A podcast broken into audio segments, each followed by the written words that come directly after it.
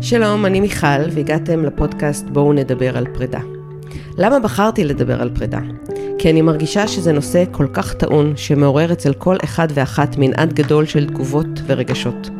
אנחנו נפרדים כל יום ואולי כל שעה ממישהו או ממשהו, ולא תמיד יש לנו את האפשרות לעצור רגע, לחשוב על זה או לדבר על זה. פרידה בעצם משפיעה על היכולת שלנו ליצור חיבורים בהמשך החיים. האם יש דרך נכונה להיפרד? האם ניתן לעשות הכנה לפרידה? מה עושים שחייבים להיפרד? אני מרגישה שזה נושא אינסופי ויש פה הרבה על מה לדבר. אז בואו נצא לדרך. היום יש לי פה את דליק על ידי, החלטנו לקחת נושא מאוד אה, לא פשוט, אבל אה, מאוד משמעותי, ואנחנו רוצים אה, לדבר על אה, פרידה, פרידה לא פשוטה, פרידה סופית או סופנית, פרידה לקראת מוות, פרידה אחרי מוות. דליק, אני מעבירה את המיקרופון אליך. איזה כיף למות איתך כאן ביחד. אכן, אכן, אה, אכן זה מאוד קשה. תראי, אני יכול לספר שממש ב, בימים אלה, נפרדתי פרידה שאמורה להיות מאוד קלה. וזה פרידה מאיש שנפטר, או מאישה שנפטרה בשיבה טובה, מהטובות שיש, היא הייתה חודשיים לפי גיל 100. תגיד לנו את השם שלה. אה, אני ודאי שאני אגיד, אני מדבר על נולד שילטון. נולד שילטון, אה, במאית ומורה למשחק, אגדתית, היא העמידה חלק גדול מהשחקנים שמסתובבים על במות אה, ואתה ישראל. איתה באיזה גיל? ואני מגיל 22 אה, וואו. איתה, כלומר, כמובן אני הפסקות, אבל איתה. היא סוג של מורה שהיא סוג של מדריכה רוחנית ומלווה, ואתה צופה בה בגדולתה, ברגעים ה- הלא פשוטים שלה, ופתאום היא נוטה למות. בגיל והיא 100. איננה, כן, אבל כיוון שבשנים האחרונות, שוב, בגלל הזקנה, בגלל uh, תחושת הפרידה המתקרבת, ליוויתי אותה עם עוד כמה חברים uh, מאוד מקרוב. כן. אפילו עשית איתה הצגה ביחד. אפילו עשינו הצגה ביחד, פה ושם בארץ ישראל, על פי עמוס עוז, וזה היה לעשות, לביים הצגה מתוך חדרון קטן שבסלון ביתה הקיבוצי, או לעתים בימים שזה יתאפשר, אז אה, בחוץ במרפסת הקטנטונת ליד אה, ביתה, כי היא כבר לא, לא התנייעה. תמיד הייתה לי הרגשה שאנשים שחיים כל כך הרבה שנים, שהגיל נותן לך אפשרות להשלים עם המוות. הוא הרבה להיפרד. פחות, כן, הרבה פחות חיים מפחיד. מלאי משמעות, זה לא רק חיים ארוכים, הם גם נכון. מלאי משמעות, שאני חושבת שזה חלק מאוד משמעותי בתהליך הפרידה. זה באמת המשמעות. אבל זה לא עובד, לא, לא עובד אם אתה לא עושה הכנה ספציפית לקראת המסע הזה, ואצל נולה זה לא עבד, היא לא רצתה היא נח, למות, היא נאחזה בחיים. אז מצד אחד. את יכולה להגיד, את יודעת, פעם היה חבר'ה, חברה שקראו לה האימורטליטי, אני לא יודע, בטח יש כן. עוד... אה, שהאמינו שעד שאתה לא רוצה למות, אתה לא מת. אבל היא לא רצתה למות בשום אה, אופן, לא חושב שזה סוד אריכות הימים שלה, כי היה במשהו קשה, כי גם כשהגיע הסבל, והוא הוא מגיע באיזשהו שלב אה, אה, לרובנו, חוץ מכמה ברי מזל, היא נחזה בכל נשימה, נחזה בכל כוחה, אבל ולא הייתה איזשהו מוכנה תהליך לעזוב. כן עשיתם? איזשהו דיבור על פרידה, איזשהו אה, לעבור על, על חומרים שלה, להסתכל על ההישגים שלה, לעשות איזשהו תהליך של פרידה? גם את זה היא לא רצתה לעשות? לא, לא. אה, מעניין. מדי פעם היא הייתה מסתכלת, היה לה תמונות של כל מיני אנשים, אה, באו בן אהרון וג'ון אורבך בעלה, שהיה אה, סופר נפלא, וכל מיני חברים שהיו לה, ולאחרונה עמוס עוז נפטר, ו... אז כולם מתים, היא אמרה, כולם מתים, כולם מתים. כל החברים שלה הוותיקים היו בערך בגילה, זה לא כן. היה אמור להפתיע, אבל היה בזה עוד נדבך של בהלה בעובדה שכולם אה, מתים ולא משהו מנחם. ובכל פעם שהזכרתי את אה, עובדה שהמוות יכול להיות אה, קרוב, כי נולה הייתה אומרת לך, נגיד בגיל 95, היא אמרה, דלק, זה לא אותו דבר, זה לא אותו דבר. אבל נולה, את בת 95, זה לא יכול להיות אותו דבר. זה קצת יותר יפת, קצת יותר זה. לא, היא לא, לא הייתה מוכנה לקבל את זה, שכוחה לא במותניה והיא לא יכולה לצאת מעניין ולעשות למי דברים. זה יותר קשה. כי אני חושבת שיש משהו בפרידה לפני מוות שמשרת את שני הצדדים. משרת גם את מי שנשאר, ומשרת גם את מי שהולך. לגבי מי שהולך אנחנו לא יכולים לדעת, כי אי אפשר אחר כך להמשיך לדבר איתו. אבל אה, לגבי מי שנשאר, אני חושבת שיש לזה משמעות מאוד גדולה באמת לעשות איזשהו תהליך של פרידה, אה, ואני חושבת שזה בא מכמה מקומות. אני חושבת שזה בא ממקום אחד שיש לנו צורך בקלוז'ר, יש לנו צורך לסגור, ואני מדברת על זה הרבה, שעל מנת להמשיך בקשרים צריך לסגור את הקשרים הקודמים, כמו שתמיד אומרים, לסגור דלת על מנת שאחרת תיפתח, וזה באמת איזשהו תהליך שצריך לדעת להיפרד על מנת ליצור קשרים חדשים. ואני חושבת שיש עוד מקום שהרבה פעמים סביב פרידה יש לנו רגשי אשם. אנחנו אה, מרגישים מאוד אשמים אה, סביב תהליכי פרידה. יש לפעמים חלק שבא לנו כבר להיפרד. כבר קשה, כבר קשה להיות, כבר קשה לטפל, קשה לראות את הבן אדם, אז בא לנו אה, שזה יקרה וזה מלווה ברגשי אשם. צצים המון דברים שאולי רצינו להגיד ולא אמרנו, רצינו לעשות ולא עשינו, וזאת באמת סוג של הזדמנות לעבור את התהליך הזה. לגמרי, לגמרי, ואני מאוד מקווה, תראי, זה סוג של מבחן שאת, שאתה לא עומד בו, הוא לא קורה. ואני מאוד, מאוד מקווה שאני, שגדול ממך אילו שנים, אה, למרות שאיש אינו יודע את יום מותו, אין לדעת, אין לה... ואני מקווה שאני אהיה אכן אה, אה, מוכן. שוב חוזר על חמשת המוסכמות שכל אה, בודהיסט אומר לעצמו. תחזור. בדרך הטבע אני אחלה, אין מנוס ממחלה, בדרך הטבע אני אזדקן, אין מנוס מזקנה. בדרך הטבע אני אפרד מכל מה שקרוב ויקר וחשוב לי, בדרך הטבע אני אמות, אין מנוס ממוות. כל מה שיש לי אלה מעשיי הם הקרקע לרגליי. וכשאתה אומר את זה באמת, ועושה, מכניס את זה לתוך uh, מצב של מדיטציה, משהו מזה, משהו מזה נקלט. ויש בזה משהו מרגיע, כי אתה מבין, אתה מתמודד עם הפרידה דרך העובדה שבעצם הכל ארעי. אבל גם... הכל ארעי, ומשתנה השמ... ומתחלף. ועכשיו uh, סתיו, ועוד מעט תהיה חורף, אחרי החורף uh, נכון. זה, והכל. ו- ואני עכשיו, זה לא אני שיהיה בעוד שעה, ו- ואין איש יודע לאן אני אצא במסע אחרי שאני אמות, או את תצאי אחרי שאנחנו נמות. אבל אתה חושב שגם מדבר על, על לתת משמעות לחיים? זאת אומרת, אתה חושב שזה מדבר, אה, יש את המשפט שאומרים, אה, חיה את היום כאילו זה יומך האחרון. זאת אומרת, אם אתה תחיה את היום כאילו זה יומך האחרון, יהיה לך יותר קל להיפרד. זה, זה מתחבר למה שהבודהיזם אומרים, שכאילו... תן משמעות לכאן ועכשיו? תראי, מה שזה עושה זה מעריך את ימיך. תחשבי שיש לנו עוד שעה אחת ביחד, כי בסוף השעה, שלום שאחראי פה על כל העניין הסאונד, אנחנו יודעים שבסוף הוא יוציא אקדח ויירה בנו ונגמר ובזה הסיפור. ובזה זה ייגמר. יש לנו שעה.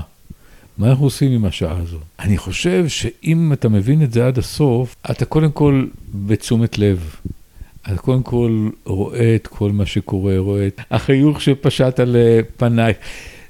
להיות בתשומת לב, להיות בכל השעה הזאת בתשומת לב, כי אלה רגעינו האחרונים, ואולי אנחנו בכלל יכולים עוד להינצל ולעשות משהו איתו.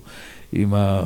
עם סיום השעה. עם האיש עם האקדח. העובדה הזאת יכולה לגרום לשעה הזאת להפוך ל-60 שנה, או לשישה חודשים. אנשים שחיים בתשומת לב נכון. ובהבנה, could happen, זה אנשים שחיים הרבה יותר זמן. אבל אתה אומר עוד משהו נורא משמעותי, שאנחנו כל הזמן עוברים פרידות. שאנחנו, אם אנחנו בתשומת לב, אנחנו בעצם מבינים, זאת אומרת, אני כבר עצובה שהשעה הזאת הולכת להיגמר. אני כבר מרגישה את הפרידה פה שהולכת ונבנית, ואני מנסה לחשוב איך את הפרידה הזאת אני יכולה למקסם, לעשות ממנה באמת את הדבר הכי טוב שאני יכולה, לתת לה משמעות כדי שהיא תהיה אה, באמת אה, פרידה משמעותית.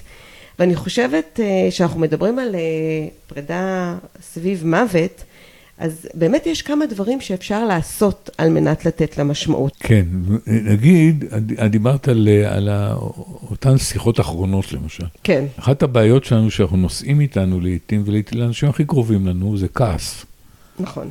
כעס שווה סבל. כל פעם שאנחנו נושאים איתנו את הכעס, דלי למה מדבר על זה הרבה, והוא אומר שאנשים אמורים, כאילו, אנשים אמורים להבין שהכעס זה סבל, למה, ולמה לעזאזל הם ממשיכים לכעוס. מעניין. למה הם לא לומדים? למה הם לא לומדים כמו מישהו שמכניס את היד שלו לתוך אש ונכווה ומיד הוא לא שם? כן. זה אותה אש של כעס שפוגעת בו, אז זה דורש אימון. וזה דורש נכון. נכון. הכנה, וזה דורש עבודה, איך, איך להתמודד עם הכעס הזה ולהפוך אותו לחמלה ולהבנה, היא כועסת כי ככה, והיא לא הייתה שזה אני חושבת מי קשור. שנשאר, כאילו, אני חושבת שאולי הכעס יש גם אצל מי שנפרד, למרות שאני חושבת ש- שהולך לעולמו, אבל מי שנשאר, אני חושבת, להפוך את הכעס לחמלה, זה תהליך מדהים. אבל באמת, מה, מה אבל אומר אם הוא הדלי יק- למה? צריך לשחרר? אבל אם הוא יקבל, אם הוא יקבל סליחה, אם הוא יקבל סליחה, זה יקל עליו עוד יותר. הדלי למה הוא מדבר על, אה, כן, על מצד אחד חמלה, מצד שני, המון מדברים על, בבודהיזם על, עזוב, על לעזוב, לשמוט. זה לא לשחרר. באמת לשחרר, לשחרר, כן. לשחרר. אי אפשר בלי, אי אפשר בלי, תכף אני מדבר יותר מדי, תכף אני, ת- תדברי כמה שתרצי, אבל. אי אפשר בלי הסיפור הקלאסי שבכל אה, סדנה למתחילים מספרים אותו, על מורה ונזיר, מורה זן ונזיר שמגיעים לנהר, ומגיעים לאזור בוצי מאוד, ופתאום יש שם איזה נערה יפהפייה שרוצה לעבור לצד השני.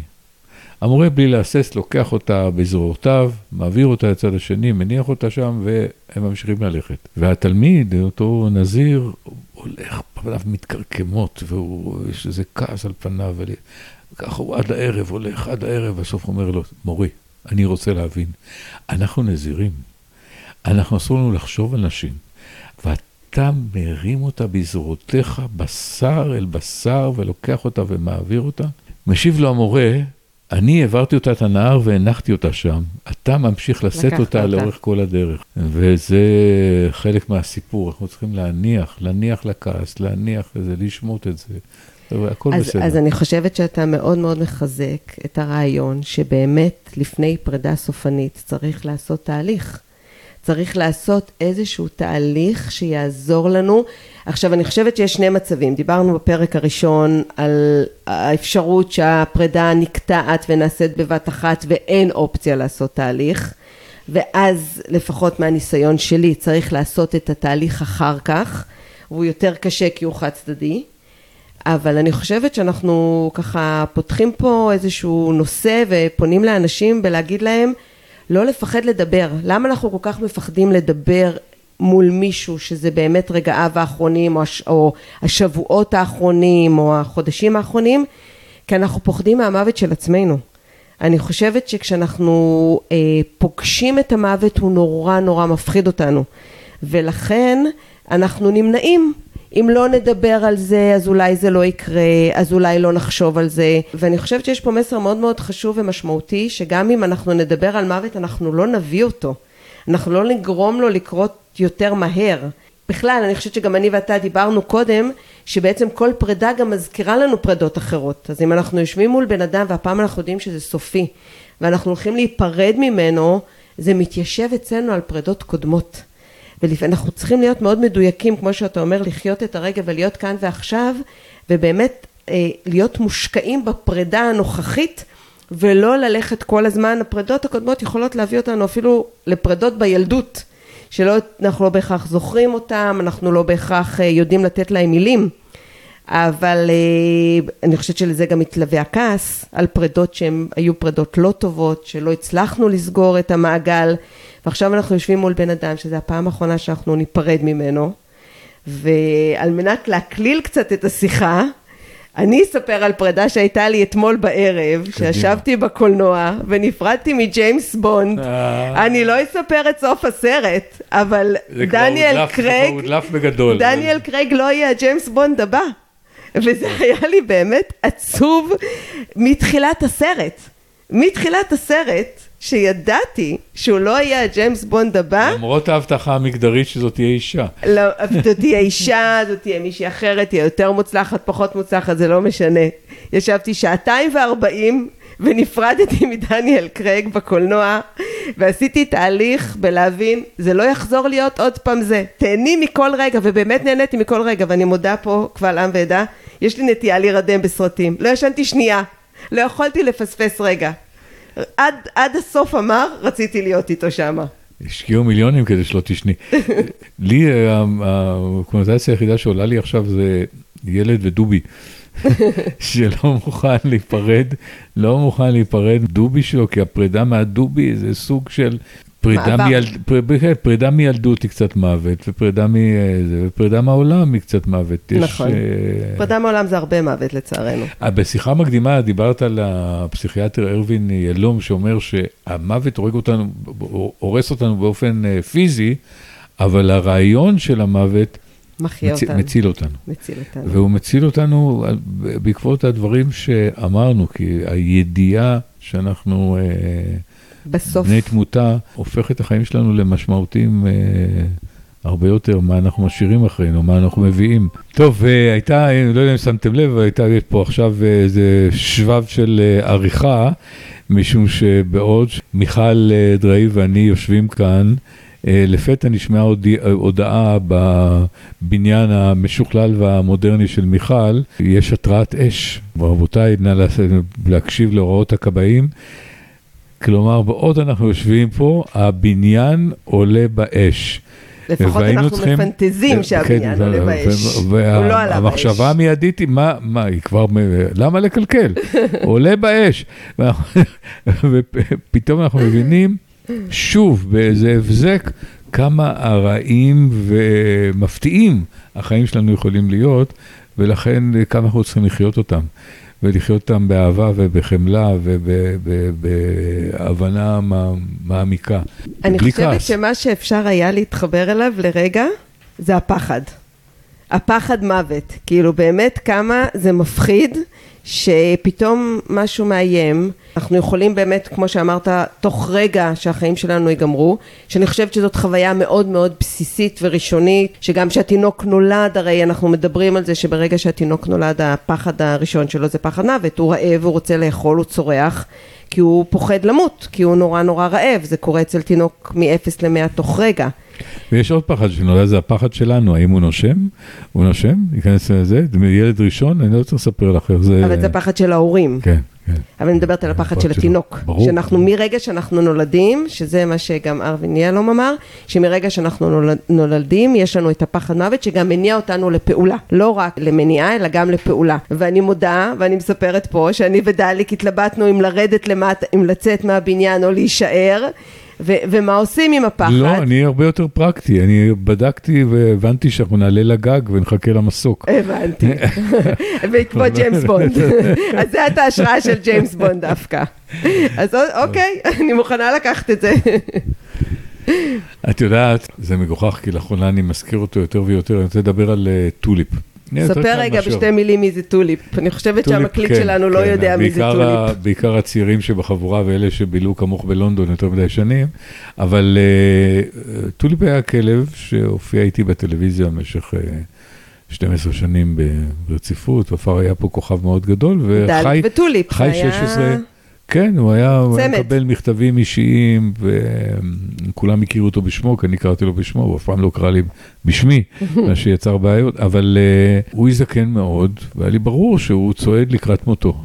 כיוון שאהבתי אותו נורא, אמרתי, בוא נקהה, הייתי במודעות נמוכה, אה, בוא נקהה את אה, תחושת הכאב שהוא ייפרד, ואז הבאתי עוד כלב. והוא המשיך לחיות וחי במרץ וזה, אבל הוא הלך והזדקן, ואז הבאתי עוד כלב. כדי להקהות, להקהות את כאב פרידה. הפרידה. אה, עם אנשים זה קצת יותר קשה לעשות את זה, להביא עוד איש או עוד ילד או עוד זה, אבל uh, עם כלבים זה... ולעומת זאת, למרות כל ההכנה והידיעה של uh, מותו, לי הייתה אפשרות להרדים אותו כשהוא התחיל לסבול, ואני משכתי ומשכתי ולא יכולתי לעשות את זה. והיום בדיעבד זה אחד הדברים שהכי מצערים אותי, שלא נתתי לו למות בכבוד, ועוד שנה עם סטרואידים ועוד תרופות ונגד כאבים וזה, ושנתו האחרונה פשוט הייתה מבישה. אני חייבת לשאול אותך לי משהו. ולא. כשאנשים פוגשים אותך ברחוב, ודליק וטוליפ זה חלק, מישהו שואל אותך אם טוליפ מת, או שואלים אותך מה שלום טוליפ? מה נכון? שלום טוליפ? מה שלום טוליפ? שלום בוודאות? מה שלום כן, טוליפ. כן, כן, כן. זה מדהים כמה אנחנו נמנעים, ואני חושבת שלהיות מחובר למקום הפנימי שלנו, של הידיעה, שבאמת אה, יום אחד הכל ייגמר, שבאמת אנחנו לא יכולים לקחת שליטה על הכל בחיים, שלא הכל בידינו. אנחנו אומרים את זה כל הזמן, אנחנו מתכננים, אנחנו מתכננים ואלוהים צוחק, זה משפט מאוד שגור, אבל זה משפט של איבוד שליטה, ויש משהו באמת לאפשר את החוויה או את הפחד ולהתחבר לפחדים שלנו שהוא מאוד מאוד משמעותי. ואנחנו פוגשים אותו באמת בסופניות, אבל הוא קורה כל הזמן, באמת כמו בדוגמה שקרתה לנו, שזה לרגע להתחבר לחוסר שליטה, קורה משהו ואנחנו לא יכולים לשלוט עליו, אנחנו לא יודעים מה יהיה עוד רגע. ואני חושבת שמי שמצליח להשתחרר מזה, זה לא קשור לכעס של הבודהיזם, אבל זה קשור לכאן ועכשיו, אה, באמת יכול לחוות את כל קשת הטעמים והגוונים שהחיים מציעים.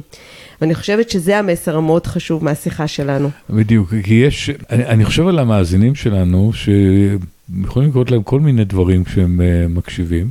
אם יש להם עדיין אומץ להמשיך להקשיב לנו, יכול להיות שכבר מזמן נטשו אותנו, אבל uh, אני חושב שזה בעצם תוכנית מעצימה ומחזקת פחדים, כי אם באמת אנחנו מבינים את... Uh, שוב, את הראיות, את ההשתנות המטפלת, הדבר שהכל יכול uh, לקרות, אז בואו בוא נהיה טובים, בואו נעשה... בואו נחיה. בואו בוא נחיה, בואו בוא, בוא, בוא, נחיה. בוא נחיה את החלומות שלנו, בואו ננסה לראות מה אנחנו אה, רוצים להספיק. בואו uh, ניצור uh, הרמוניה עם הסובבים אות, אותנו, עם הילדים שלנו, עם בני הזוג שלנו, עם ההורים שלנו. בואו uh, בוא נבנה את הדבר הזה, כי... Uh, כי יש בו שמחה מאוד גדולה. גם בוא נעשה את הטיול שתמיד חלמנו לעשות. נכון, כי אנחנו לא יודעים מתי, כי אנחנו לא יודעים אם תהיה קורונה ופתאום לא נוכל לטייל. דרך אגב, זה עכשיו, אני שומעת את זה המון, שאנשים עושים המון המון דברים שהם חלמו ורצו לעשות לפני. ושוב, ואני חושבת שגם הקורונה העבירה לנו את התחושה שהכל ארעי ואנחנו לא יכולים לדעת מה יהיה מחר. אה, אני מרגישה את זה מאוד חזק בקליניקה שלי, שאנשים בפחד לחיות, מצד שני עם רצון מאוד גדול לחיות, יש, נהיה פחד שאני לא יודע מה יהיה מחר ולכן צריך לעשות את הכל עכשיו עכשיו וזה לא תמיד אפשרי. אני רוצה לחזור לחיות אבל זה גם נורא נורא מפחיד אותי לחזור לחיות כי אני לא יודע מתי זה ייפסק, מתי יהיה עוד סגר. יהיה עוד סגר, לא יהיה עוד סגר, אז כן לחיות או לא לחיות, זאת שאלה מאוד מאוד רלוונטית בימים אלה. חושבת שזה באמת מביא אותנו לאיזשהו מסר מאוד משמעותי של לחיות כאן ועכשיו. שמתוך הפחד דווקא לחיות, ודווקא לנצל את החיים. כן, אנחנו כמעט בסוף, ואני רוצה להחזיר אותנו ל... לעניין uh, תשומת הלב. אוקיי. Okay. לפעמים אנחנו חיים, והחיים עוברים לידינו. נכון. אה, מימין, משמאל, מלמעלה, מלמטה, אבל לא דרכנו באמת, ואנחנו לא חווים אותם באמת. מדיטציה למשל, זה כלי נפלא כדי לחדד את העניין הזה של לחבר את החיים אלינו. אם תנסו אפילו אחרי השיחה הזאת, לעצום לרגע את העיניים ולשבת אה, זקוף על כיסא, ואתם יודעים מה? סתם להקשיב לקולות שסביבנו. סתם תרגו להקשיב לקולות שסביבנו. המזגן, תנועות הרגליים העצבניות של אה, שלום. אני לא יודע, הנשימה שלנו, הנשימה שלנו, האוויר שנכנס, הנשימה מאוד משמעותית. האוויר שיוצא. נשימה זה בהחלט אה, סימן לחיים. כן, לא, אני אומר, הריחות שמסביב. פשוט באיזושהי הקשבה, ויש, כן, אנחנו מדברים על פרידה, כן, אנחנו מדברים על אפשרות של, של, של להיפרד מהדברים, אבל כמה זמן נפלא יש לנו לחיות, גם אם יש לנו עוד שעה. נכון, נכון, אנחנו נעשה אותה הכי טוב שאפשר. לפני שניפרד, אני רוצה להזכיר שאת אה, מטפלת באומנויות. נכון. אני שואל, מה, מה עושים עם אה, אומנות כשהנושאים האלה עולים, פרידה ואומנות? אספר משהו קטן על העבודה שלי. אני עכשיו אה, עובדת עם קבוצה של אה, נשים שהן יוצאות מקלט. ואנחנו עושים איזשהו תהליך משמעותי שמלווה על ידי קופסה, שזה סוג של קופסת פרידה, שזה משהו שאני עושה אותו הרבה בקליניקה. החלטנו ביחד שיש חלקים שהנשים האלה רוצות להיפרד מהם ולא להיזכר בהם ולסגור אותם. אנחנו שמים אותם באיזשהו מקום בקופסה שאפשר יהיה לסגור אותו, אם צריך פותחים אותו. אבל עצם זה שהן מציירות ונזכרות ומתחברות למקום שהן רוצות להיפרד ממנו ואז סוגרות, זה תהליך שאי אפשר באמת לתאר מה זה עושה עבור הנשים האלה. הן בוכות, הן מציירות, ואז סוגרות ואומרות, שם אני לא רוצה לגעת יותר, אני שמה פלסטר. אי אפשר אה, להיפרד מזה לנצח, מהכאב, אבל הן שמות פלסטר, הן סוגרות את הקופסה, ועל זה יכולים להתחיל לבוא דברים אופטימיים. אבל עד שהם לא סגרו את הכאב, מאוד קשה לדברים האופטימיים לבוא, ול, ו, ולצאת ולצמוח. ואני הרבה פעמים עובדת באומנות עם הכאב, על מנת להוציא אותו, לשים אותו על הדף, יש אנשים שרוצים לזרוק את זה אחר כך לפח, יש אנשים שרוצים לשים את זה במקום שהם לא יראו את זה, וכשהם צריכים אז הם מסתכלים על זה, ויש אנשים שרוצים לראות את הכאב, אבל הוא בחוץ, הוא לא בתוך הגוף שלהם כבר, הם נפטרו ממנו. ובאומנות באמת אני ממליצה, אמרתי גם את זה בפרקים קודמים, ליצור בכל מיני דרכים באמת אה, אה, להוציא החוצה את הכאבים ולהיפרד מהם, ואז יש מקום לאופטימיות. ובאומנות זה באמת מרגש לראות את התהליך, מרגש. נכון, גם בתיאטרון, אה, נכון. ראיתי ששחקנים מתאמנים בלמות. יש המון תפקידים שאתה מת בסופם, ואתה, כן, אתה, אני חושב שאתה יותר מאומן. לגמרי. טוב, תודה רבה לך. זו הייתה שיחה מרתקת. כן. תודה רבה לך. תודה דליק. אני עוד בטח אתארח אצלך פעם אחת, אבל... אה, אנחנו כמעט לקראת פרידה. אנחנו כמעט. אנחנו מושכים את זה. אני מושכת את זה. להתראות. ביי ביי. אתם מוזמנים להאזין לנו בכל האפליקציות, אה, Spotify, Apple Podcast, Google Podcast. מוזמנים גם להיכנס אה, לדף הבית שלי שנקרא מיכל אדראי, מטפלת באומנות ומדריכת הורים בפייסבוק. לכתוב תגובות, להציע רעיונות, אני מבטיחה להגיב לכולם.